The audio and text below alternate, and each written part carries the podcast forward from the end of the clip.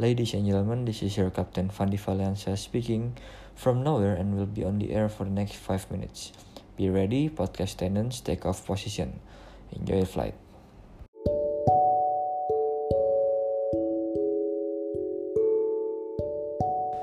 To infinity and beyond.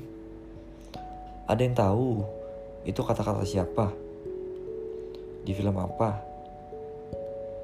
Ya guys, itu kata-kata Buzz Lightyear di film Toy Story yang udah dirilis dari tahun 1995 dan yang kemarin baru rilis tahun ini Toy Story 4 pada tahun 2019 film ini menceritakan tentang makna kehidupan yang sangat dalam di mana ada suatu mainan baru yang bernama Forky yang diciptakan dari garpu bekas, bekas permen karet, dan mata-mataan bekas. Atau dengan kata lain, itu semua adalah sampah. Diciptakan oleh Boni si pemiliknya. Nah, apa sih yang bisa dipetik dari film ini? Ada dua hal. Di mana yang pertama, gue merangkum dari sisi Boni. Di mana Boni ini seorang anak TK yang sangat polos dan tidak tahu apa-apa.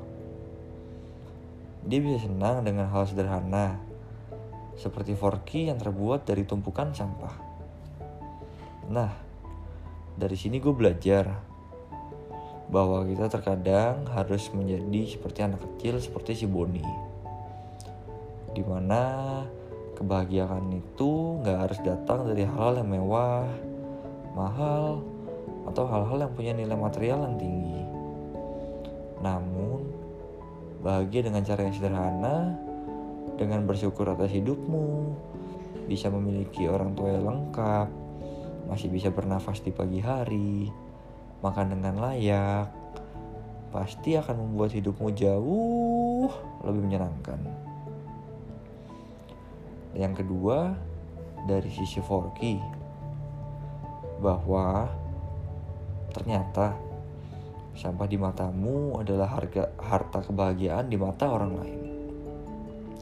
Forky yang terlahir dari tanda kutip sampah yang dibentuk oleh Bonnie menjadi mainan meskipun dia punya roh di film Toy Story ini tapi Forky itu masih selalu menganggap dirinya itu sebagai sampah padahal dia hidup di mana kadang itu kita selalu merasa diri itu nggak berguna. Dan kadang itu kita menjadi sampah masyarakat. Banyak orang dewasa nggak sanggup menghadapi perubahan yang mengambil jalan pintas dengan mengakhiri hidupnya. Dengan kata lain suicide atau bunuh diri. Film ini mengajarkan kita bahwa semua orang itu nggak ngelihat sampah sebagai sampah layaknya Boni yang melihatnya itu sebagai sebuah emas kebahagiaan di hidupnya.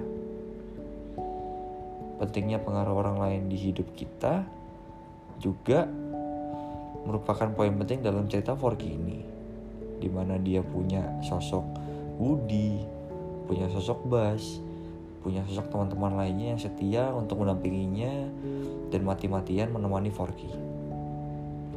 Nah, kira-kira Kalian gimana?